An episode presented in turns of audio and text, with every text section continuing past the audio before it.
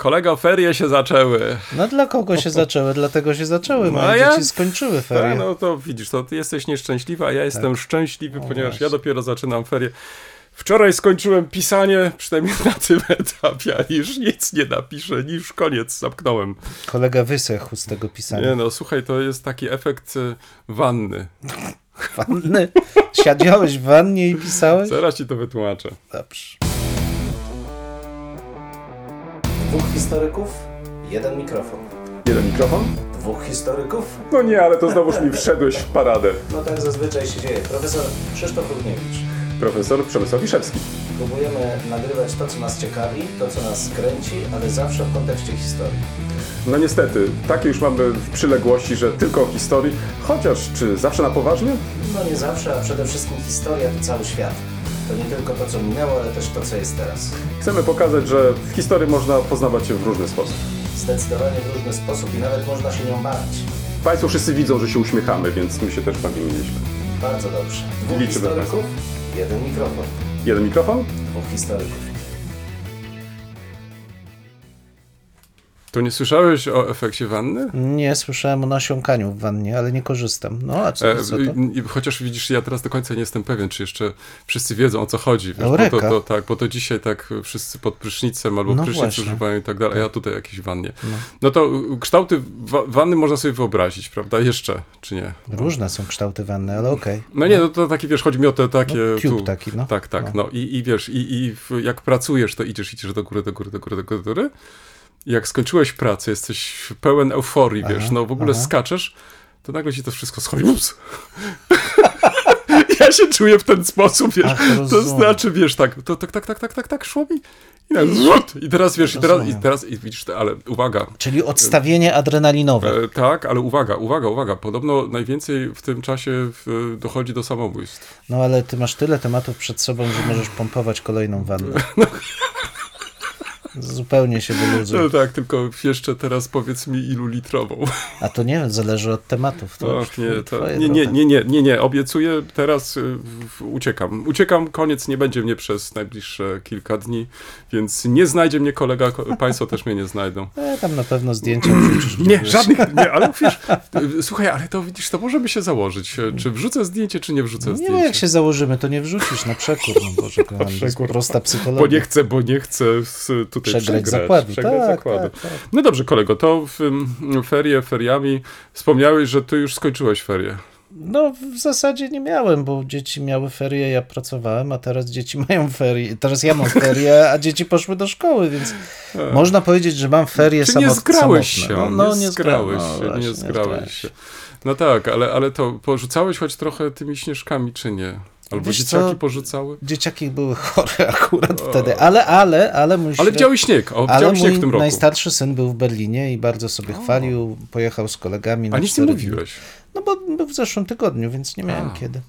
Pojechał w, z kolegami w zeszłym tygodniu, bardzo sobie chwalił. Jak tak wsiadł do pociągu i pojechał? No tam mieli jakieś mieszkanie i właśnie wsiedli do pociągu i sobie pojechali. Bardzo mi się to podoba. No super.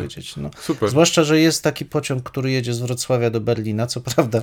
Myślisz o tym kulturcugu, czy nie? Nie, to jest inny. To jest normalny pociąg A, rejsowy no. i on co prawda się zepsuł w trakcie drogi do Berlina i dwie godziny z No dobrze, miał, ale to była A w drodze z przygoda. powrotnej Deutsche Bahn strajkowała i go nie było i trzeba było jechać jechać autobusem, ale generalnie wszystko pod no ale kontrolą. Zobacz, no ale dobrze, no ale to wszystko sobie zapamiętają młodzi ludzie. Bardzo, bardzo no. im się podobało, Berlin zrobił na nich wielkie wrażenie. A to tylko byli y, młodzieńcy, czy też? Dwóch młodzieńców, dwie, y, dwoje dziewcząt. O, chyba tak. Dwie, dwie, dwie. Jak dwoje? No ale dziewczęta, one A, dziewczęta. dziewczęta one, aha.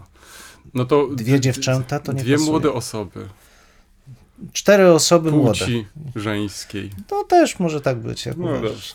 Czyli tak, e, byli w Berlinie, tak. jakieś wrażenia? No bardzo zadowoleni tak. byli, e, podobały im się muzea, do których zaszli. Ogółem stwierdzili, że potrzebowaliby jeszcze więcej czasu. Mm -hmm. Zrobiło na nich wrażenie pan, panorama, jaką teraz przedstawia się zamiast Muzeum Partenonie. Aha, aha myślisz, tam jest ten w, w, w Ponczali, tak? To jest ta taka Ta rotunda, myślisz o niej? Nie, nie, nie, wiesz, bo jest e, remontowany Ach, Pergamon. Tak, a to tak, tak, tak, jest ten na Pergamon teraz jest, tak, tak, tylko jako muzeów. taka panorama, nie mhm. można wejść do środka. No i to a. im się też podobało. Tak. Ale generalnie mówię, byli zadowoleni, spodobało im się miasto, to najważniejsze. No dobrze, to w takim razie co, dzwonimy? Dzwonimy. Na który kolego? Nie, zaraz, nie, nie, nie jeszcze nie ciekawostki. Zaraz, ciekawostki. Kolega się Chociaż wiesz, z drugiej strony... Państwa, to widać, że kolega założył dzisiaj garnitur. No po prostu taki nie, jest rozpędzony, no, pędzi nie, gdzieś, że nie może się zatrzymać. No, nie, to nadal tu od, słuchaj, nadal jeszcze widzisz tutaj pokutuje u mnie ten efekt wanny. No efekt wanny, dobrze. To jest w takim razie krótko, jak zwykle o ciekawostkach.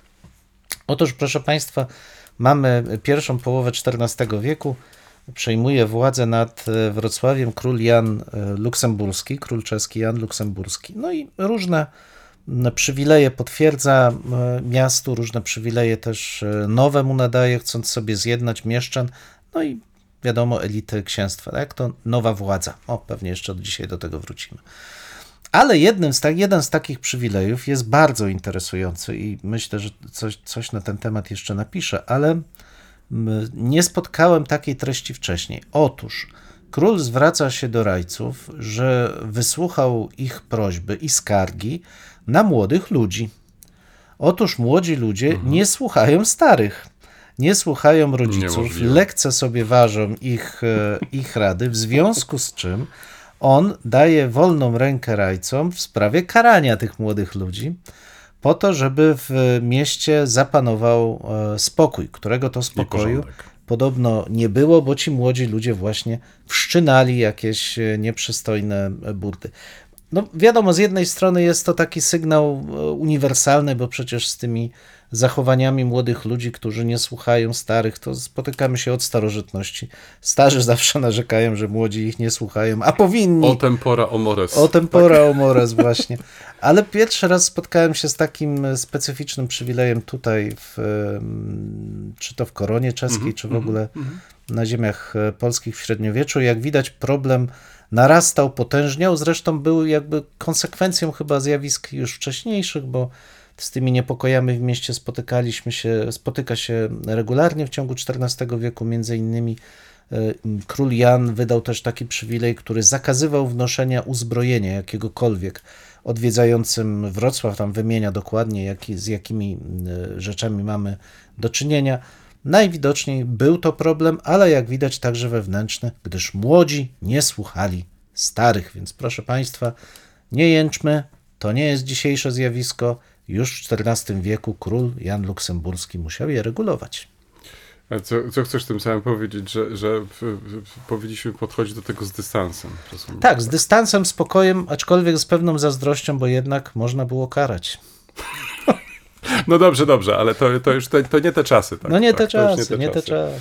Um, moja ciekawostka będzie trochę przewrotna ponieważ mm, ona jest związana raczej z moimi problemami technicznymi, a nie historycznymi. Otóż, wyobraź sobie, wczoraj miałem mm, spotkać się z dziennikarzem i udzielić mu wywiadu. Mhm. Ale ponieważ nie mogłem się spotkać, przypominam jeszcze ten efekt wanny, czyli ja jeszcze wczoraj byłem tam gdzieś w, u góry prawie, że już wszystko kończyłem, więc umówiłem się, że w, w, mm, zdzwonimy się. No i sobie wyobraź, byłem przekonany święcie, że nie ma najmniejszego problemu. To znaczy, on do mnie zadzwoni, ja włączę na moim telefonie któreś tam z, z tych aplikacji do e, nagrywania i będę równocześnie nagrywać. Jakie było moje zaskoczenie, kiedy żadna z aplikacji, które miałem, po prostu na to nie pozwala. A. Słuchaj, to znaczy, wiesz, e, musieliśmy się rozłączyć i musiałem e, wziąć jeszcze inne urządzenie i niejako równolegle nagrywać, mhm. ale to było dla mnie ciekawe doświadczenie. To znaczy, mhm. wiesz, że mm, ktoś do ciebie dzwoni, ty chcesz włączyć tą aplikację, ta aplikacja odmawia posłuszeństwa i koniec. No i nic nie zrobisz. No i miałem dwie, dwie wypróbowałem. Byłem przekonany, święcie, wiesz, jeszcze przed całym nagraniem mhm. nawet się mhm. przygotowałem. E, sprawdziłem, jak, jak zwykle, w, w, czy to wszystko działa, czy nie działa.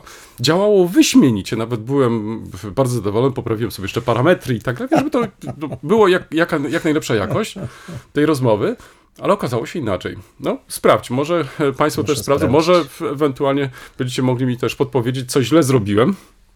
E, bo, bo to faktycznie było dla mnie zaskoczenie. A sam wywiad był bardzo ciekawy, bo dotyczył generalnie spraw, e, no, którymi się zajmuję na co dzień albo którymi może niekoniecznie chciałbym się zajmować na co dzień, o może tak. E, nie zdradzę tajemnicy, bo o, o, tym pewnie będzie jeszcze mowa dzisiaj więcej.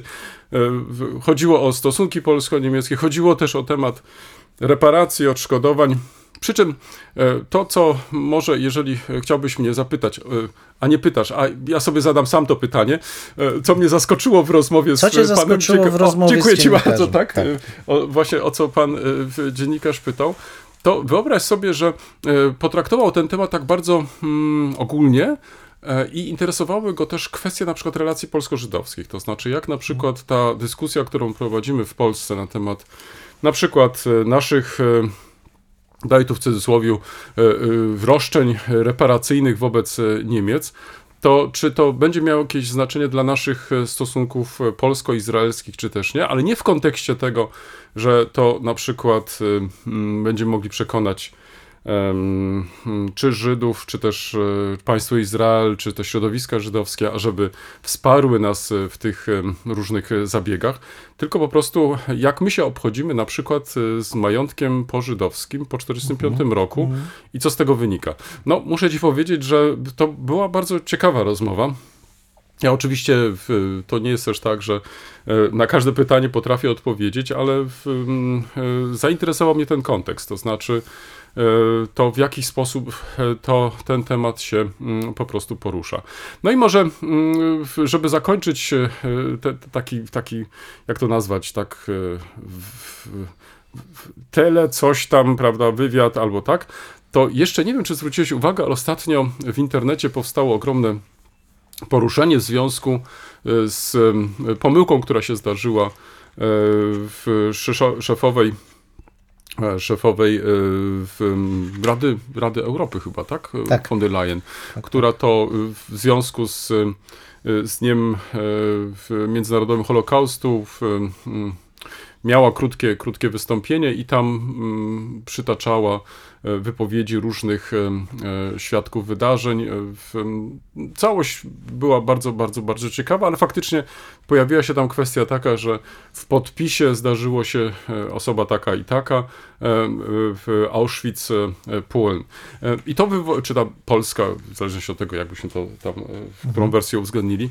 No i to wywołało ogromne poruszenie. No i tutaj muszę ci powiedzieć, zacząłem się zastanawiać nad tym. To znaczy, na pewno reakcja była tutaj trafna, to znaczy zwrócono uwagę, że to jednak należałoby z większą dbałością podchodzić do tego rodzaju podpisów.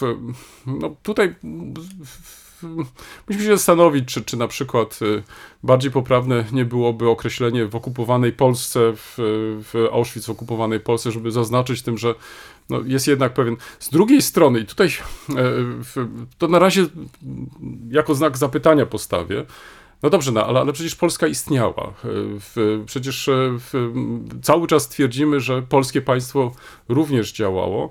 E, no więc e, czy, czy, czy podanie tego, że no z drugiej strony mm, nie wiem, czy to tak łatwo, czy tak prosto można łączyć, że jeżeli ktoś podaje Auschwitz i za, za po, po przecinku Polen, no to dzisiejsza, no tutaj widzisz, mam, mam trochę, trochę takich e, dylematów. E, na pewno e, nie chcę, tak jak to zrobiono też, bo, bo i taki wątek się pojawi, zresztą on często się pojawia, że tu, to jest przykład manipulacji, że, że ktoś tam próbuje coś wiesz, ukrywać, coś zakrywać i Bóg wie, co tam jeszcze. A, a nie było e... tak po prostu, że podpis był w języku niemieckim, więc... Nie, on był po angielsku nawet, wiesz, on był nawet Aha, po no angielsku no i tutaj um, wydaje mi się, że, że może z większą, z większą jakąś taką dbałością powinno się podchodzić do tego. Z drugiej strony, wiesz, zastanawiam się, czy na przykład nie można byłoby zrobić tak, jak to w przypadku jest wielu mm, czasopism międzynarodowych, że e, mają one taki wykaz e, mm, określeń, poprawnych, nazwijmy to tak. To znaczy mhm. takie, które są ogólnie przyjęte i które nie wywołują jakichś większych E, emocji. Nie wiem, czy nie powinno się pójść w tym kierunku, to znaczy, żeby mm, e, ważne jakieś urzędy w, właśnie w, zaopatrzyć w takie, w takie ściągi, czy też wielkie redakcje w, w, medialne, nazwijmy tak, przecież to w końcu nie chodzi tylko też o prasę, ale także o telewizję i tak dalej, i tak dalej. Tak, żeby no a przede wszystkim e, myślę, że chyba ważniejszą sprawą jest edukować. To znaczy, e, nie wiem, przypominasz sobie być może jakiś czas temu w internecie pojawił się taki krótki filmik, który e, informował też, jak niestosowne jest używanie tych określeń, które mogą budzić wątpliwości. Zaczynało się od tych określeń polskie obozy koncentracyjne i tak dalej, tak dalej. Było to zrobione bardzo wtedy, jak sobie przypominam, mm, bardzo jakoś tak przekonująco i myślę, że więcej powinniśmy może mieć takich właśnie propozycji, taka, żeby uwrażliwiać e, tych, te osoby, które się wypowiadają na te tematy, że mm, mm, pewien skrót myślowy, który u, użyli, może po prostu być e, Mm, inaczej rozumiany gdzie indziej. Mhm. I to mhm. myślę, że może tak bym to skomentował tutaj, może nie, nie, nie robiąc z tego jakieś wielkie afery. Ja myślę, że to są wszystko rzeczy, które można bez większych problemów wyjaśnić. Słusznie. Dzwonimy. Tak, dzwonimy. Ja mam tutaj sporo rzeczy. Zacznę od prezentu, bo kolega się o. dziwił, że dostanie prezent. prezent. A ja tutaj e, mam taki e, prezent. Bo tak jak wspomniałeś, obchodziliśmy 4 dni temu, tak? 27. Jakoś, Międzynarodowy Dzień Pamięci o ofiarach Holokaustu. Holokaust. I no, mój dawny student, obecnie hmm, działacz kultury, pan Grzegorz Dudała, specjalizuje się w wycinankach. Wycinankach. Wycinankach. I to są Student nasz historii. Tak, nasz historii. Jednocześnie te wycinanki bardzo często mają charakter. Na tematy historyczne. Historyczny, A. tak. Ale nie są to, znaczy nie jest to absolutnie rzecz taka, którą my kiedyś robiliśmy, takie serwetki, żeśmy sobie wycinali z kolorowego papieru na zajęciach praktyczno-technicznych. Rzeczywiście Boże, jest to, to wysokiej jakości, wysokiej jakości e, rękodzieło czy sztuka w 80. rocznicę powstania w getcie warszawskim, czyli w mm, Judajka Grzegorza Dudały, dzieło rąk naszych wspierań. O, dziękuję. W, a przekazuję to dlatego, żeby pokazać, że ten sposób e, przekazywania informacji o historii mhm. czy o kulturze może przybierać różne, czasami dla nas e, zupełnie niespodziewane. I to są wycinanki. To są wycinanki, niespodziewane formy. No, Super. naprawdę niezwykle utalentowany e, człowiek, już nawet nie młody człowiek, bo to tak ładnie by brzmiało, ale już no, po 30 to już. No zaraz, zaraz, to jeszcze jak przed 35 to jeszcze. Tak, to młody, no to jeszcze młody, jeszcze młody człowiek. Tak, tak. Także e, prezent dla ciebie. Dziękuję. Żebyś zobaczył Dziękuję. nowe formy no, e, promowania od historii. Razu, od razu skomentuję, proszę Państwa, jest to faktycznie mm, pięknie wydana, albo pięknie wydany katalog z pracami pana pana y, Grzegorza, Grzegorza Dudały, ale gdybyście zobaczyli te prace, ale wiesz, to, to nie są nadruki jakieś. Nie, nie, nie, nie. To są wycinanki przez niego. Jestem pod wrażeniem, słuchaj, naprawdę. Tak, tak, tak, naprawdę. Tak. Musicie Państwo to zobaczyć. Naprawdę. Zresztą mhm. widziałem też jeszcze bardziej skomplikowane, to trudno sobie wyobrazić, ale no naprawdę dużej, dużej klasy. Wycinanki dużej klasy. A, i jeszcze może, co warto podkreślić, w różnych kolorach. Tak, w różnych tak, kolorach. Być może to jeszcze i ten kolor tu odgrywa znaczącą mhm. rolę, bo bardziej podkreśla e, takie czy inne formy, które tutaj autor wybrał. Ale coś fajnego, naprawdę. Tak jest. A Dziękuję, te, to, to, tego, tego, już nie dostaniesz, bo to już masz, czyli karta, nowy, e, mhm. nowy numer kwartalnika historycznego karta. Jak zawsze staram się dzielić tym, co w nim jest, bo warto za każdym razem podkreślam, że zarówno te wątki źródłoznawcze, jak i e, fotografie, które im towarzyszą, są dla mnie niezmiernie ciekawe. Tym razem numer bardzo zróżnicowany, bo mamy tutaj zarówno wspomnienia Włodzimierza Brusa z e, jego pobytu w Związku Radzieckim, właściwie no, wywózki do Związku Radzieckiego w latach 41-44 w niezwykle ciekawej formie, takich nigdy nie wysłanych listów do ukochanej. Mhm. Mamy w, taką próbę rozliczenia z przyczynami e, upadku II Rzeczpospolitej, które toczyły się jeszcze w, w czasie II wojny światowej w Londynie. Mm, mamy wreszcie wspomnienia osób, które, e, jak to ładnie określono, pozostały na wschodzie po zakończeniu II wojny światowej. Nie udało im się wyjechać do ojczyzny i no, jakby ciągnęli to swoje życie w Związku Radzieckim. I wreszcie bardzo ciekawy dla mnie tutaj pierwszy, który mnie naprawdę bardzo mocno zaciekawił, to wspomnienia Michała Więcka, Więcko, Więcka, e, dotyczące życia na wsi w latach 1901-39. To taki dziennik, no trochę bym powiedział bardziej w, jednak mm, literacko opracowany. Nie, te dzienniki, jak Państwo wiedzą, mają różny charakter, były różne, w różnej formie e, prowadzone. Tutaj mam wrażenie, że jednak ten, jak to określono ładnie, samouk bardzo mocno opracował je literacko, ale są bardzo ciekawe, między innymi dotyczące realiów takiego życia codziennego w, na początku XX wieku i w trakcie już tego okresu międzywojennego.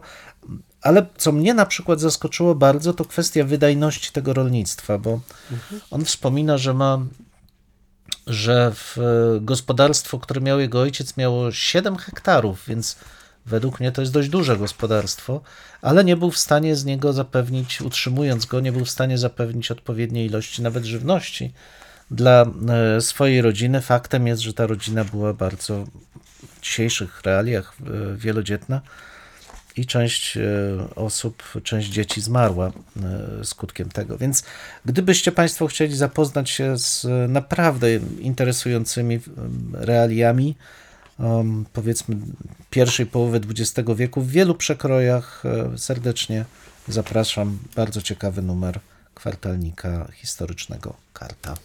A kolega na pewno najbardziej będzie zainteresowany tematem przewodu. Pierwszym, ale o tym powiem tak, za chwilę, bo chwilę. jestem też, e, też tym um, szczęśliwym posiadaczem karty, tak, ale zaraz się o tym podzielę. Tak. E, ale, zacz... ale, ale, ale, ale, ja jeszcze, a jeszcze, to, a jeszcze, a jeszcze, a, a kolega tu chciał mnie już To jest wygryźć. ten efekt wanny się tak, znów kłania. wanny, tak. kolega chciał mnie tu wygryźć Leżę podstępnie. na dole, jeszcze na dole no leżę. No właśnie, ale ja się tak nie daję dobrze, łatwo, więc tutaj no w każdym razie, proszę Państwa, jak zwykle krótko, ale też o filmie jednym, który jakoś mi umknął był, nie cierpiał bardzo z tego powodu, ale jednak mi umknął, ale ty, ty nie powinien. Film? Ja nie, ja nie cierpiałem, ale film mi umknął.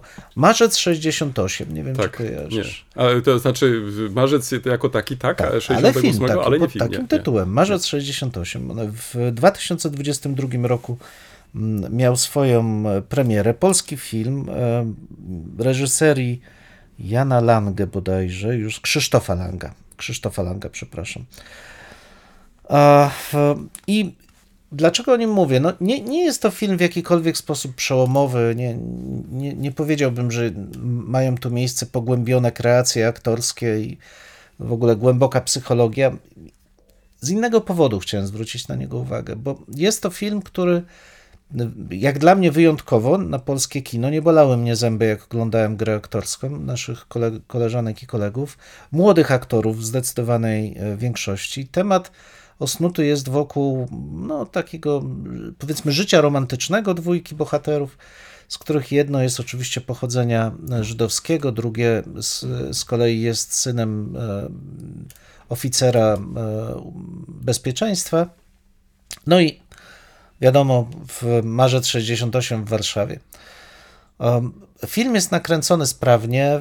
Ten wątek e, romansowy odgrywa tutaj pewną rolę, ale oczywiście jest takim próbą. E, Bo co jest tłem w takim razie dla tego filmu? Do tego hmm. tłem jest życie dość przeciętnych ludzi mhm. w ówczesnych realiach. No dość, no bo mamy jednak oficera ubezpieczeństwa dość wysoko usytuowanego, mamy byłego lekarza, właściwie lekarza wyrzuconego z kliniki, E, ze względu na swoje pochodzenie. No i oczywiście mamy Warszawę w marcu, od grudnia 67 do marca 68, e, może nawet trochę, trochę dłużej. Ciekawym zabiegiem było wplecenie archiwalnych filmów e, z polskiej kroniki filmowej z tego mhm. okresu, ujęć, ujęć pokazujących ulice. Przeplatają się one też ze zdjęciami aktorskich kreacji, ale kręconych właśnie w e, takim stylistyce w polskiej kroniki filmowej, więc czasami e, może być problem z odróżnieniem tych dwóch, e, tych dwóch Ale ujęć. być może to był świadomy zabieg, żeby tak, tak, tak. nie Myślę, było to na tak. zasadzie takiego cięcia. Tak, takie zlanie trochę. Co powoduje łącznie z ciekawą muzyką, zwłaszcza w pierwszej części filmu, takie ciekawe wrażenie przenikania się tych dwóch, mhm. Tych dwóch e, rzeczywistości. Dla zwłaszcza młodych ludzi wydaje mi się to atrakcyjny sposób przekazania bardzo trudnego tematu, bo z tym wieloetnicznym charakterem wielu z nich jeszcze nie miało do czynienia, dopiero zaczyna mieć do czynienia. Um, I historię już marcu 68 roku mam wrażenie, że trochę pogrzebaliśmy. To znaczy ona gdzieś daleko, daleko w tym panteonie polskich mniej lub bardziej cierpiących wydarzeń się znajduje. Zupełnie niesłusznie. Dla mnie to jedno z bardziej przejmujących e, wydarzeń, kiedy władza własnych obywateli, własnych współobywateli e, brutalnie wyrzuca ze względu na pochodzenie etniczne ze swojego, ze swojego kraju. Jeśli miałbym mieć zastrzeżenia, to trochę bym pojęczał, że znowu Warszawa. To znaczy, że kolejny raz e, pokazuje się te wydarzenia, dobrze już jednak chyba znane, z perspektywy stolicy, jakby nie pamiętając to, co my z kolei znamy ze źródeł, to znaczy te losy ludzi na prowincji, które były nie tak spektakularne na pewno, ale większość tych opowieści była równie przejmująca. To jest utracenie miejsca zarobkowania, utracenie mm, właściwie korzeni wszystkiego tego, co wiązało ich e, z społeczeństwem. Więc poleciłbym, nie jest to film, to jeszcze raz podkreślę, nie jest to arcydzieło, ale jeśli ktoś chciałby młodemu człowiekowi zaproponować taki wgląd w to, co wydarzyło się w marcu 68, to z wydaje mi się. Z punktu widzenia to, centrum. Z punktu widzenia centrum, oczywiście, studentów Być może, warszawskich. Albo, albo kto wie, to może być też i zachęta do tego, żeby oglądając sobie to centrum, tak. zapytać, jak to było na peryferiach. Na peryferiach. tak, w każdym razie, marzec 68, marzec film 68. trochę chyba. Hmm nie wiem czy świadomie, nie, ja ale jakoś nie spotkałem Tak, się. no więc właśnie, gdzieś tam pogrzebany 2022 e, Drugi. Mm. rok. Serdecznie zapraszam. Uważam, że warto obejrzeć. I to wszystko. Mm, to, to ja się skoncentruję może na samych publikacjach. E, nie wiem, czy sobie przypominasz, tydzień temu mm, mm, krótko przedstawiałem książkę księdza Budyna poświęconą dypisom. Mhm. E, wydawcą e, jest e, wydawnictwo Księży Młyn i to wydawnictwo, wyobraź sobie, no. przesłało nam książki. Tada! Tada! Dziękujemy bardzo wydawnictwu za to, że wpadło na ten pomysł. Ale jakie książki? I um, od razu powiem, proszę Państwa, te książki chętnie przekażę dalej. To znaczy, y, od razu możemy się nawet umówić, kto z Państwa pierwszy do mnie napisze w tej sprawie. Do mnie albo do kolegi. Um, przekażemy te, te książki, bo wydaje nam się, że mogą one e, Państwa zainteresować. Pierwsza książka. E, Paweł Brudek, Ukryta przestrzeń wojskowe lata warszawskiego Bemowa 1945-1989. E, Książka, która przedstawia bardzo ciekawie ten fenomen lotniska. Zaopatrzona jest w wielką ilość zdjęć. Faktycznie ich jest tutaj sporo ale też i bardzo ciekawy tekst i to, co mnie na przykład, nie wiedziałem o tym, od razu zaciekawiło, to jest to, co znajdziesz nawet na w ostatniej stronie okładki. Kiedy latem 1948 roku krakowski licealista i przyszły pisarz jak sądzisz, o kogo nie może wiem. chodzić? Ha, widzisz. Sławomir Mrożek jako o, junak służby Polsce trafił na pustkowie blisko podwarszawskiego w Byrnerowa. Nie wiedział, po co go tu przywieziono. No więc książka jest, jak Państwo zauważyliście, całkiem nieźle napisana. I to mhm. nie jest jedna z wielu takich typowych książek naukowych, mhm. gdzie będziecie mieli tych przypisów. One oczywiście także i tutaj są, e, ale e, jest to e, konieczne w przypadku cytowania źródeł i tak dalej, i tak dalej, ale tą książkę się po prostu nieźle czyta. Więc może ktoś z Państwa zainteresowany historią lotnictwa patrz, i znowuż to centrum. No nic, ale, ale to być może to był przypadek. W każdym razie, niezależnie od tego, polecam Państwu e, książkę e, Pawła e, w, i teraz jak? Brudeka? A jak jest Brudek? nominatyw? Brudek? Brudek? Tak, czy Brudka. Brudka. Brudka. Przepraszam, jeśli, jeżeli tutaj coś pokręciłem. Ukryta przestrzeń wojskowe lata warszawskiego w Bemowa. Jeszcze raz lata 1945-1989, wydawca Księży Młyn. I druga książka, myślę, że. O, koledze pokaże, niech sobie w tym czasie też coś e, poogląda. Po, coś po, po, pokartkuje. I druga książka, myślę, że ta z kolei może być e, inspiracją do e, także i badań, które niekoniecznie w, będą dotyczyć tego regionu, o którym tutaj jest mowa, mianowicie Tadeusz Banaszek przygotował bardzo ciekawą publikację Budownictwo wojskowe między Wisłą a Pilicą w XIX i XXI wieku. Myślę, że, że dla osób, które interesują się budownictwem wojskowym jako takim, to, to może to być bardzo ciekawa pozycja. A kiedy wspomniałem o pewnych jakichś inspiracjach, to ja nie wiem, czy w ogóle mamy jakąś książkę, która byłaby poświęcona generalnie budownictwu wojskowemu na ziemiach polskich na przykład. Wiesz, no, przynajmniej taka, nie, nie, na przykład na taką nie trafiłem w ogóle mhm. E, w, w, lub też nie miałem w rękach, ale tutaj mogę się mylić. E, to dlatego dla mnie to jest ciekawe też e, chociażby z racji tych moich zainteresowań Jelczem, Jelczem Laskowicem, Laskowicami, gdzie, gdzie były te różne, zwłaszcza w II wojnie światowej, budowane takie czy inne inne e, zabudowania o charakterze wojskowym. E, tak więc e, myślę, że tą książkę można czytać w dwojaki sposób, to znaczy można czytać jako faktycznie, tak jak tutaj proponuje nam autor Tadeusz Banaszek, budownictwo wojskowe między Wisłą a Pilicą w XIX i XXI wieku, ale można też czytać właśnie jako mm, pewną taką inspirację do do swoich własnych poszukiwań, e, zestawień, porównań itd. Tak, tak jak w przypadku pierwszej książki, e, taki tutaj e, wydawca zadbał o dużą liczbę ilustracji. Przypomnę, wydawcą jest księży Młyn.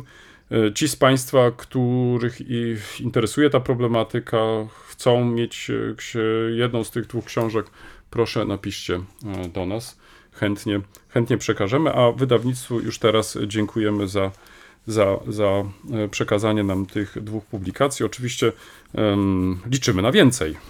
Liczymy na więcej, kolego. Tak, wojsko zawsze z narodem tutaj przeczytałem. Mhm. Brzmi groźnie.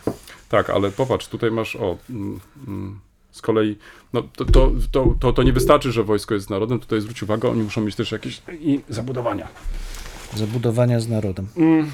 Na dwie książki chciałbym zwrócić uwagę, ale od razu e, chcę się zastrzec, e, nie przeczytałem tych książek, ponieważ jeszcze jestem tutaj na etapie jednak tej, tego zjazdu z tej, w tej wannie e, i dopiero teraz będę się powoli jakoś tam znów piąć w górę.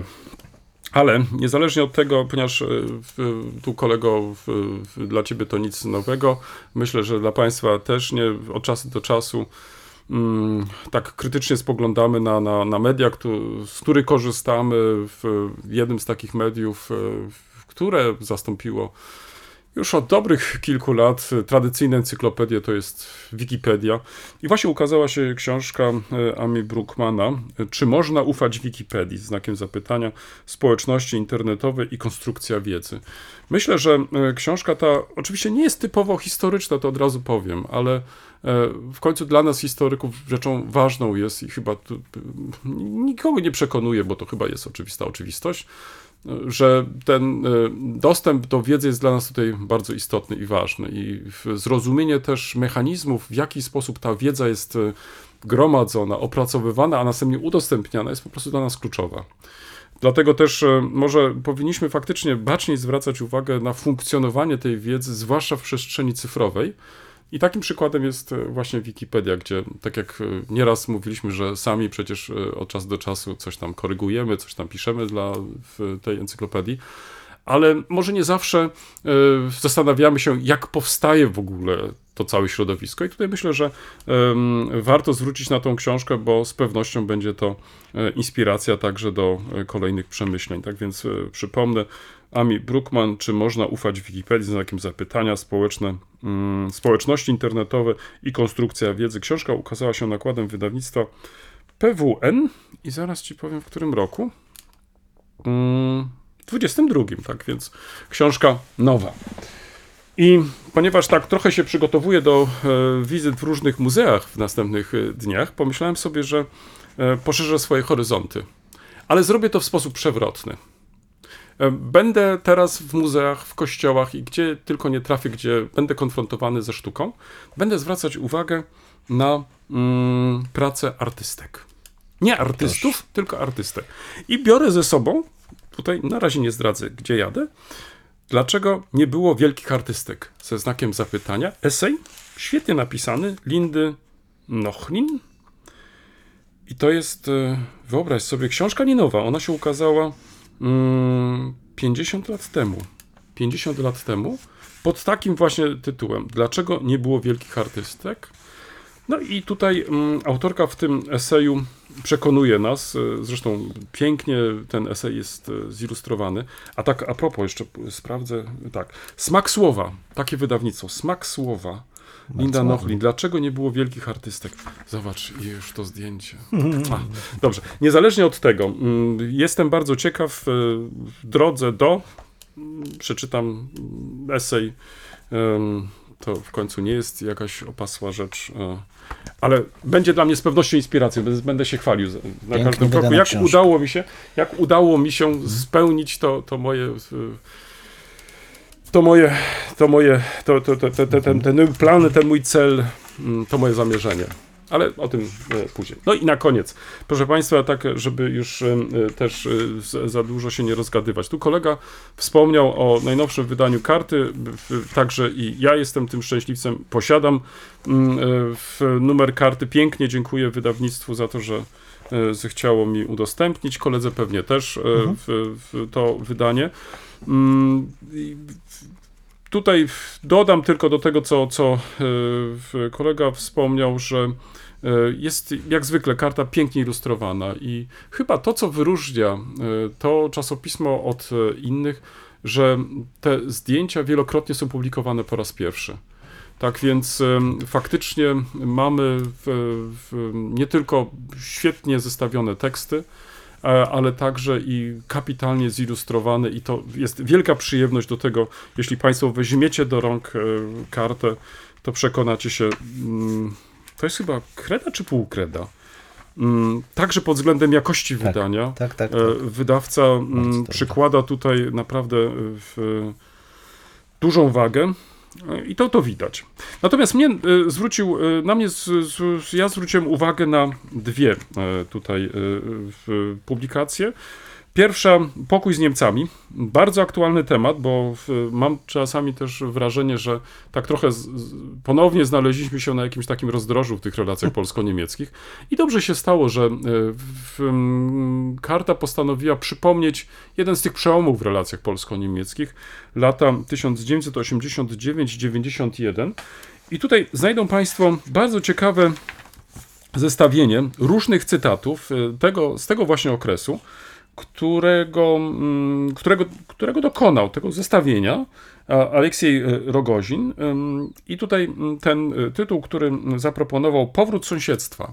Powrót sąsiedztwa, czyli możemy to, myślę, też rozumieć dwojako. To znaczy powrót sąsiedztwa wtedy, w tym okresie, który interesuje autora, ale myślę, że e, poprzez te teksty, poprzez dobór tych tekstów, daje nam on jeszcze okazję do tego, żebyśmy dzisiaj zastanowili się, czy aby na pewno nie mamy do czynienia raz jeszcze z powrotem tego sąsiedztwa. To mhm. znaczy, czy jeszcze raz nie powinniśmy na nowo przemyśleć to sąsiedztwo polsko-niemieckie. I chyba taki jest cel też tego, tego artykułu, bo to nie jest tylko tekst, e, który bym tak nazwał jubileuszowy, albo bo przecież w końcu nie mija żadna jakaś okrągła rocznica i tak dalej, i tak dalej, ale e, w końcu także i dzisiaj rozmawiamy o w, mm, tych nowych relacjach naszych e, z sąsiadami, z sąsiadem niemieckim, ale także i z Unią Europejską, tak więc myślę, że to też ma być jakiś taki chyba, e, no taka okazja, taka, taki pretekst, żebyśmy także i na spojrzeli trochę na przeszłość, jak to wyglądało w przeszłości, po to, żeby mm, być może na tym tle, być może, e, zobaczyć, jak to sąsiedztwo wygląda dzisiaj, lub też ewentualnie, co możemy poprawić w tych relacjach polsko-niemieckich. I druga może e, publikacja, tak trochę zapowiem, ale do niej mam nadzieję wrócimy, bo y, książka y, ukazała się już drukiem, ale miałem jej jeszcze w rękach. Polacy na wschodzie. Historie mówione i o książce może więcej nie będę mówić, bo nie mam jeszcze jej w rękach, ale chciałem już teraz zapowiedzieć. Książka ważna, proszę Państwa. Koniecznie zakupcie tą książkę. To znaczy, ona musi się znaleźć w każdym domu. Ale nie masz procentu od sprzedaży? E, ja Bo nie. tak z, z ja, ja, ja, nie, ja nie. Nieczytaną książkę? E, powiem tak, czy, czytałem ją e, w różnych częściach, okay, natomiast, okay. natomiast od razu przyznaję, żadnych, o, o, żadnych procentów, kolego, tak, tak. która to jest godzina? Profitów. Ach, chodzi ci o profity, bo już tak, myślałem, że o tak. procenty ci chodzi. Nie, nie żadnych procentów nie. nie dostałem, więc poczekaj, jest dopiero po dziesiąte, a ty mi tu o procentach mówisz. No. Finansowo. Ach, dobrze, aha, dobrze, to chodzi ci o... Także, proszę Państwa, już tak. mamy jasność. E, chciałbym jeszcze na jedną może Państwa publikację zwrócić uwagę, mianowicie mm, z racji nie tylko moich zainteresowań, ale też i w końcu to czasopismo zaprosiło mnie do współpracy. Mianowicie w rękach mam mm, styczniowe wydanie miesięcznika Odra. Teraz decentralizuję. O ile wcześniej mieliśmy do czynienia z e, przedsięwzięciem. E, chociaż trudno też i tak zaszufladkować e, kartę, albo nie jest tak mhm. łatwo może w ten tak. sposób. E, jest to w końcu pismo ogólnopolskie. Pismo ogólnopolskim jest także i Odra, chociaż Odra wychodzi we Wrocławiu, więc tak. proszę bardzo kolego, to tak no, tutaj, żeby dopowiedzieć. I redakcja postanowiła mm, poza bardzo ciekawymi tekstami dotyczącymi sytuacji w Polsce, w różnych spojrzeniach, mm, postanowiła też e, stworzyć taki, taką część niemiecką e, w tym, w tym wydaniu. E, zwracając uwagę, że i to dla mnie jest bardzo zawsze ciekawe w, mm, w redakcję, redakcja pisma kulturalnego zwraca się do ciebie o napisanie tekstu, który będzie dotyczyć wyzwań, przed którymi stoją relacje polsko-niemieckie. No, można było powiedzieć, że w, w, raczej wydawca powinien się tutaj interesować kulturą i tak dalej. No ja niewiele tutaj mogę w, coś powiedzieć na ten temat. E, e, bardziej to, co mnie interesowało, to, była sprawy, to były sprawy polityczne, ale zahaczałem też także i o inne, więc może to Państwa zainteresować. Ale na co chciałbym zwrócić uwagę? Mianowicie jest bardzo ciekawa rozmowa profesora Zybury z Wolfgangiem Templinem z dziejów walki e, o Polskę w Niemczech. Ten tekst szczególnie Państwu polecam, tym bardziej, że za kilka miesięcy ukaże się polskie wydanie E, w biografii Józefa Piłsudskiego autorstwa Wolfganga Templina. Tak więc e, ta, ta, ta rozmowa troszeczkę wprowadza nas e, też do zainteresowań autora, do jego spojrzenia na Polskę, ale także do jego takich, bym powiedział, trochę też i smagać z tą Polską, bo, bo, bo tak to w takim kontekście można to też zobaczyć.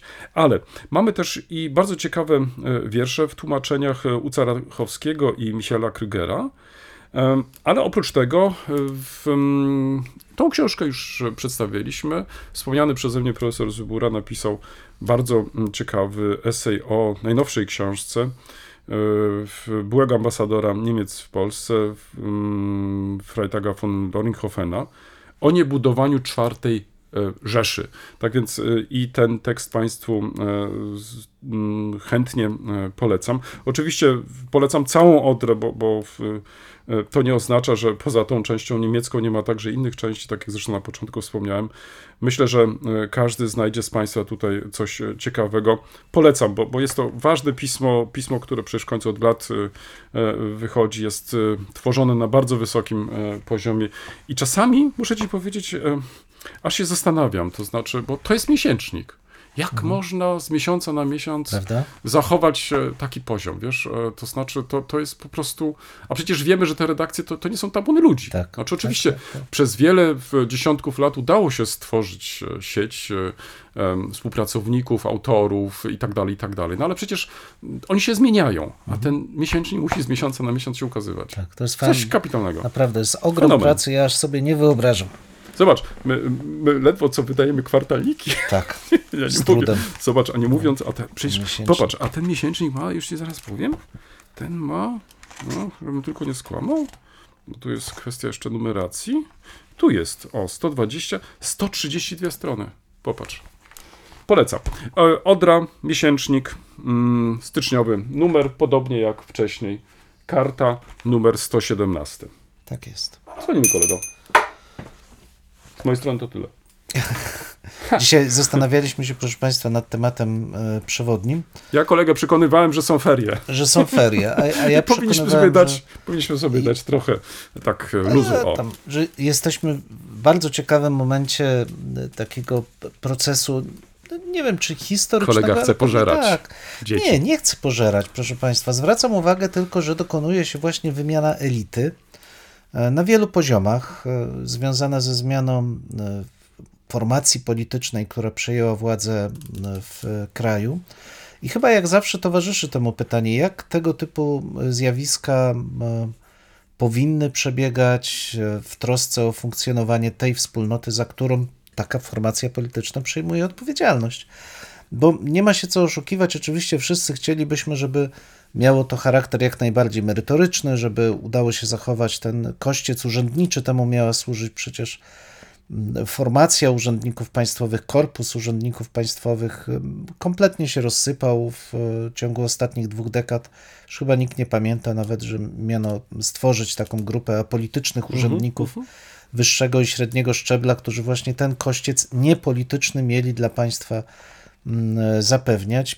Patrząc historycznie, no to możemy wskazać, że w zasadzie każda zmiana władzy wiąże się z podejmowaniem dwóch ryzykownych decyzji: albo wymianą bardzo szeroką, kiedy e, stara się usunąć no, niemal wszystkich urzędników, e, osoby podejmujące jakieś decyzje ważące o funkcjonowaniu danego organizmu politycznego mhm. i obsadzić je w cudzysłowie swoimi ludźmi. I taka szeroka zmiana e, zawsze pociąga za sobą jakąś formę no, degradacji jakości, no bo te osoby nowe muszą się przyzwyczaić do nowych stanowisk, muszą się nauczyć funkcjonowania e, tej e, działalności. Im bardziej ogólne są kompetencje takiej osoby, to oczywiście tym łatwiej może się to dokonać, ale gdzie byśmy nie spojrzeli, to te pierwsze miesiące, lata funkcjonowania nowych, tu znowu w cudzysłowie, reżimów, zawsze są związane z takimi trudnymi decyzjami, bo z kolei wąska wymiana prowadzi do braku kontroli nad e, aparatem, jeśli jest to aparat upolityczniony. No, tę sytuację oglądamy przecież, e, przecież i dzisiaj. Pytanie zawsze, które temu towarzyszyło, to, no to oczywiście na ile można zaufać, na ile ta grupa urzędnicza, która zostaje wcześniej obsadzona z powodów e, politycznych, może pełnić takie funkcje dla nowego systemu władzy dla nowej organizacji politycznej. I tu moglibyśmy wskazać sobie wiele takich przykładów, bo z jednej strony mamy tutaj i denazyfikację, która jest takim e, klasycznym przykładem no, wahania się. Mamy dwie formy. Mamy tą denazyfikację w RFN, mamy denazyfikację w NRD, ale w gruncie rzeczy w obu przypadkach nie, nie była to pełna. Nie tak, była to pełna, nie była to tak. pełna denazyfikacja. Mm. Z kolei mamy do czynienia z tym, co się działo po 1945 roku w Polsce, gdzie pierwsze lata jednak były ściśle, może ściśle nie, ale jednak w dużej mierze opierały się na urzędnikach jeszcze z okresu tak, międzywojennego. Ale rewolucja. No tak, ale potem nastąpiła ich e, wymiana, czasy stalinowskie, kiedy już władza poczuła się na tyle pewnie, że mogła szukać nowych no, z zaciągu takiego ludowego urzędników, co zresztą czytając źródła można bardzo ładnie odróżnić, kiedy taka e, zmiana, e, zmiana zachodzi. No więc pytanie dzisiaj, w jakim momencie tego procesu historycznego jesteśmy i w którym kierunku idzie? To trochę pytanie też dla e, historyków. W jakim kierunku Polska jako społeczność, jako państwo będzie się, e, będzie się rozwijać. No tutaj zwróciłeś uwagę na, na wiele różnych rzeczy, od razu powiem, bo i, i w, w, mówiłeś o, o w, w konkretnej grupie osób, nazywając ją, czy też grupach osób, bo się też te pojawiły. Mhm. Zwracałeś uwagę też na rolę i znaczenie um, funkcjonowania administracji w państwie i na ile ta mhm. administracja powinna być wymienialna i tak dalej, tak lub też inaczej. Czy też jeżeli mówilibyśmy o dorosłości jakiegoś państwa, to ta dorosłość nie polega też właśnie na tym, że e, potrafi stworzyć takie mechanizmy, że e, ma profesjonalny aparat administracyjny, a tylko zmieniają się po prostu mhm. w zależności od tego, jakie są e, tutaj te wyborcze decyzje uczestniczących w procesie demokratycznym. E, to wymieniani są tylko na szczytach władzy e, tacy czy inni politycy. Ale e, wrócę może do, do, do podstawowego pytania. Co to jest elita? Wiesz, bo, bo tutaj tak przyjąłeś jako jakiś taki pewnik, że, że, że to, o czym dzisiaj mówimy o tych wymianach, to mówimy cały czas o elitach. Czy to aby na pewno są elity? Mhm. Wiesz, ja od razu zajrzałem, mówiłem wcześniej o Wikipedii, więc nie będę tutaj odkrywczy. Zajrzałem sobie, co pisze Wikipedia na ten temat. Otóż elita. Proszę bardzo. Kategoria osób znajdujących się najwyżej w hierarchii społecznej, pod jakimś względem wyróżniających się z ogółu społeczeństwa, elity mają często zasadniczy wpływ na władzę oraz na kształtowanie się postaw i idei w społeczeństwie. Zobacz, e, czyli e, to, to pojęcie elita niekoniecznie musi się odnosić tylko do elit władzy. No oczywiście, że nie. Prawda? E, I teraz, czy można powiedzieć, że każdy polityk, który pełni taką czy inną funkcję, czy to jest elita, czy to może jest po prostu zwykły urzędnik, którego mhm. postawiono po to, żeby wykonywał dobrze swoją pracę? No ale widzisz, to jest różnica. Takim urzędnikiem zwykłym może być, nie wiem, szef departamentu w Urzędzie Miejskim, ale jeśli już ktoś jest szefem departamentu w e, Ministerstwie Obrony Narodowej, to czy to jest zwykły urzędnik? Albo jeśli ktoś jest dyrektorem programu Pierwszego Polskiego Radia, czy to jest zwykły urzędnik? To są, to wbrew pozorom, to są pytania o zasięg, o no sposób no i zasięg oddziaływania. Zgoda to raz, a dwa, zobacz, y, to przecież y, wielokrotnie jest też i tak, bierzmy pod uwagę w, w decyzje różnych mhm. koalicjantów, mhm. że wysyła się takich czy innych polityków do takich czy innych ministerstw i tak naprawdę tak to te osoby pełnią funkcje właśnie o, ty, o tych, o których ty przed chwilą mhm. powiedziałeś, e, no chociażby z racji tego, że taki był, a nie inny klucz polityczny. Tak jest. Nie I, to już jest, czasami... I to jest elita? No, no niestety tak. No to jest elita. A, czyli w, chcesz użyć takiego ogólnego określenia, że to, to wszystko jest elitą, E, to kto nie jest elitą? No ale zgodnie z definicją to jest no. niewielka grupa osób, które wywierają decydujący wpływ na funkcjonowanie pewnej społeczności. To jest ta no. wyższa no. warstwa no. społeczna, ta, która nie, no, jest widoczna. To, to, słuchaj, to całkowita zgoda, no. tylko ja się zastanawiam cały mhm. czas e, nad tym, E, czy e, jest to jednoznaczne z bycią e, tą elitą, to znaczy, czy jednak my czegoś więcej nie oczekujemy od tego, wiesz, to znaczy, że żeby być tą elitą, to trzeba trochę sobie zapracować na to jednak A, mimo wszystko. Ty, ty, ty byś no. chciał od razu tu wartościować jakieś no. kulturalne, no, jakieś no etyczne dobrze. aspekty. No, no, no, no tak, no bo, bo przecież ta, ta Wikipedia, słuchaj, tu podsuwa różne takie, wiesz, no różne, tak, na przykład ze względu na postawę wyróżnia się, zobacz. Masz tu elitę walorów, masz elitę posiadania, masz elitę rodową, masz elitę ustosunkowanych, masz elity funkcji, no i tutaj do tych byś zaliczył na tak. przykład w tym kontekście Elity polityków władzy. na przykład, mhm. tak. I masz elita zasług na przykład, prawda? Więc tutaj to pojęcie jest takie bardzo szerokie i to w tak. zależności tak. od tego, jakie chcesz e, przyjąć tutaj kryteria, no to wtedy właśnie kogoś zaliczysz, kogoś nie zaliczysz. Nie, ale tu masz e, o tyle, e, myślę, i rację, że są to osoby eksponowane, mhm. prawda? To znaczy nam się to podoba, czy też nie. I chyba tak, tak było zawsze w przeszłości, że mieliśmy, e, w zależności od systemu, jaki to był, e, mieliśmy taki czy inny układ, ale dla mnie o wiele ciekawsze mhm. jest jeszcze to pytanie o tą wymienialność, to znaczy, mhm. czy ona jest nieuchronna, e, i czy faktycznie ona musi się odbywać w tak burzliwy sposób często. Mhm. To znaczy, tutaj zwrócić uwagę na jeszcze inną rzecz, czyli na, na, na upolitycznienie aparatu, mhm. który wspiera władzę. I e, o ile i tutaj całkowita zgoda, moglibyśmy się zastanowić, czy w, w, w, znamy jakieś reżimy, gdzie doszło do całkowitej wymiany um, urzędniczej. Wiesz co, całkowicie. Tak się zastanawiam. Na pewno to, to jest, możliwe, wiesz. To, no właśnie, na początku to nie jest możliwe, tak. natomiast to jest proces pewien. Tak, nie, to, to, to oczywiście to jest tak. proces i dlatego na przykład nie bez powodu użyłem tego określenia, na przykład mając na uwadze w mhm. Hiszpanię i, mhm. i, później Hiszpanię po Franco, że mówi się o tej rewolucji, czyli, mhm. czyli o rewolucji w sposób ewolucyjny, mhm. e, pokazując, że z jednej strony mamy ten oczywiście to takie y, y, przełomowe wydarzenie, możemy to nazwać rewolucją, przewrotem, Bóg wie czym mhm. tam jeszcze.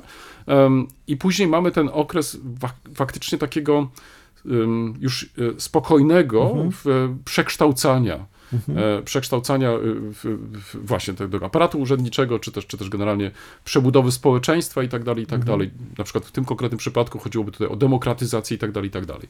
Więc jest to z pewnością taki proces, który E, w tym przypadku chyba jest e, e, jakiś taki, bym powiedział, no chyba często spotykany. Mhm.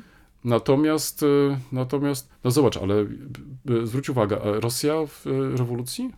No tak, ale, ale zwróć uwagę, że tam też na samym początku to byli dalej urzędnicy caratu, najwyżsi generałowie, przecież to nie byli ludzie, którzy od razu... Czyli zgadzamy się, że wymiana właściwie nie jest taka w 100% możliwa? Na samym początku nie, tak, ale... Ja ale z biegiem czasu. Tak. tak, z biegiem czasu. Natomiast ja bym zwrócił uwagę na dwie, dwa inne jeszcze zjawiska, dla mnie istotne.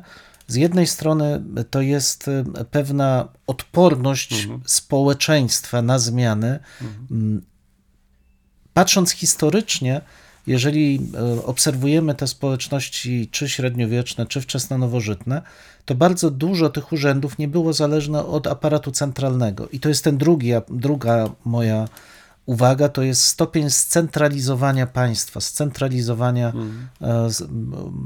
społeczeństwa. Czyli pojawia się znowuż nam prowincja. No wiesz co, to jest chyba nawet coś więcej, bo jako historycy możemy obserwować, w jakiej formie funkcjonuje społeczeństwo i państwo. Czy mamy do czynienia z e, takimi społecznościami, które rządzą się mniej lub bardziej, ale same, mhm.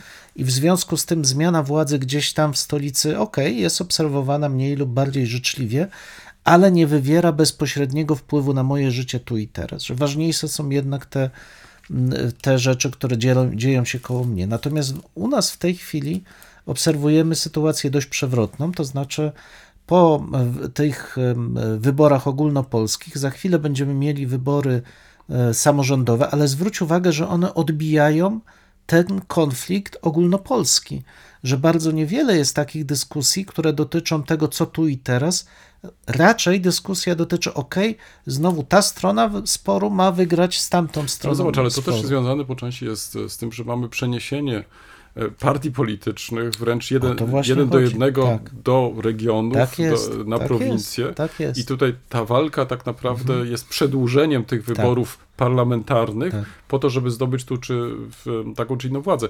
Natomiast e, pytanie powstaje, czy, czy, czy to nadal jest jeszcze samorządność, czy też no, już więc nie. właśnie, prawda? E, bo, bo w, w mhm z drugiej strony to życie w takim stałym napięciu, bo zwróć uwagę, mieliśmy dopiero co, przynajmniej jeżeli tak. chodzi o tutaj o warunki polskie, dopiero co mieliśmy wybory parlamentarne, teraz mhm. będziemy mieli wybory samorządowe, za chwilę będziemy mieli jeszcze wybory europejskie. Tak. I zwróć uwagę, że, że w, w, w, trochę powiem tak, w głowach społeczeństwa, bo ja nie mówię teraz o głowach polityków, ale nie ma takiego, jakiegoś takiego poczucia zaraz, zaraz, ale to są przecież trzy różne rzeczy, no, trzy tak. różne jakieś um, w, przedziały, w, w, których możemy funkcjonować. Tak. No i to jest dla Wie, mnie zaskakujące wiesz, trochę, wiesz. Jakby podsumowując to wszystko, ja zawsze uważam, że w takiej organizacji społeczeństwa, tej polityczno państwowej, jakkolwiek byśmy to nazwali, najzdrowsze jest zachowanie pewnego balansu. balansu. To znaczy, hmm. jeśli patrzymy na te społeczeństwa scentralizowane, to najczęściej są one niewydolne.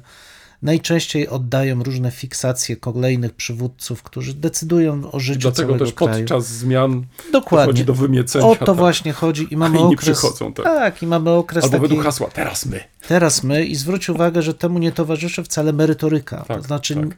nikt, ja już nie pamiętam kiedy bo oczywiście rzuca się slogany, że teraz będzie merytorycznie, ale ja nie pamiętam sytuacji, w której faktycznie miałaby miejsce merytoryczna wymiana urzędów, merytoryczna wymiana hmm. tych, którzy będą w końcu kierowali bardzo dużym, e, bardzo dużym krajem, co zresztą świetnie widać. Chociaż poczekaj, poczekaj, no. ale tutaj myślę, że na co należy zwrócić uwagę, to y, y, te zmiany, przynajmniej w przypadku polskim, które mhm. zapowiedziano, no, będą poprzedzone jakimś audytem. Więc to już jest chyba moim zdaniem, no, wiesz, e, pożyjemy, krok, e, może inaczej, e, to jest dobry kierunek. Dobry kierunek, zobaczymy jak będzie Znaczy jaka będzie praktyka, ale, tak. ale ja o tyle jeszcze to rozpatruję pozytywnie, że sam fakt, że coś takiego zaproponowano, mhm. to już jest dużo. Może nie wyjdzie Oczywiście. to tak, jakbyśmy sobie to tak. wyobrażali, ale może następnym razem, kto wie? Może następnym razem, ale dopychając kolanem jeszcze mój wniosek. To wnioskuj. To, tak, to chciałem zwrócić uwagę na takie etapy funkcjonowania w ogóle państwa polskiego, tego przedrozbiorowego, gdzie hmm. mieliśmy właśnie to scentralizowanie mniej lub bardziej w okresie wcześniejszego średniowiecza i rzeczywiście śmierć władcy, kryzys tego centralnego aparatu pociągał kompletny kryzys. No ale nie wszyscy mogli uczestniczyć w tej władzy. No. O to właśnie o. chodzi. I tutaj idę dalej. I mamy ten okres właśnie pewnej stabilności, pewnego hmm. zachowania pewnej równowagi w tym XVI wieku, XV-XVI, gdzie mamy dużą sferę samorządności, ale jednak wspierającą funkcjonowanie władzy centralnej. No i mamy potem okres niestety przedrozbiorowy, czyli kryzys, to znaczy rozpadnięcie aparatu centralnego. Więc wydaje mi się, że myśląc o tych zmianach, które zachodzą w tej chwili i w ogóle zachodzą w związku z wymianą jakichś elit, zarządzających danym społeczeństwem, warto się zastanowić, gdzie są, gdzie powinny być te punkty stabilne, takie, które związane są z życiem konkretnych mhm. małych wspólnot i które zagwarantują przetrwanie, mhm. a nie konieczną zmianę co kilka lat, bardzo gwałtowną, no i niestety niemerytoryczną. Tak, zależy się od kalendarza wyborczego. Dokładnie. Mhm. W tym miejscu stawiamy kropkę lub też jak to woli, kropkę nad i. Mamy nadzieję, że to nie jest koniec, że to jest początek Waszych dyskusji. Mam nadzieję, że Was zaciekawiliśmy. Prosimy o komentowanie naszych zmagań z historią. Poniżej zdjęcia jest wystarczająco dużo miejsca. I pamiętajcie, nie regulujcie odbiorników. No, my naprawdę tak brzmimy. E, tak, chociaż być może czasami e, może trzeba ściszyć. no może czasami ten nasz rechot by się przydało wyciąć nawet. Dwóch historyków? Jeden mikrofon. Jeden mikrofon? Dwóch historyków. Dziękujemy. Dziękuję.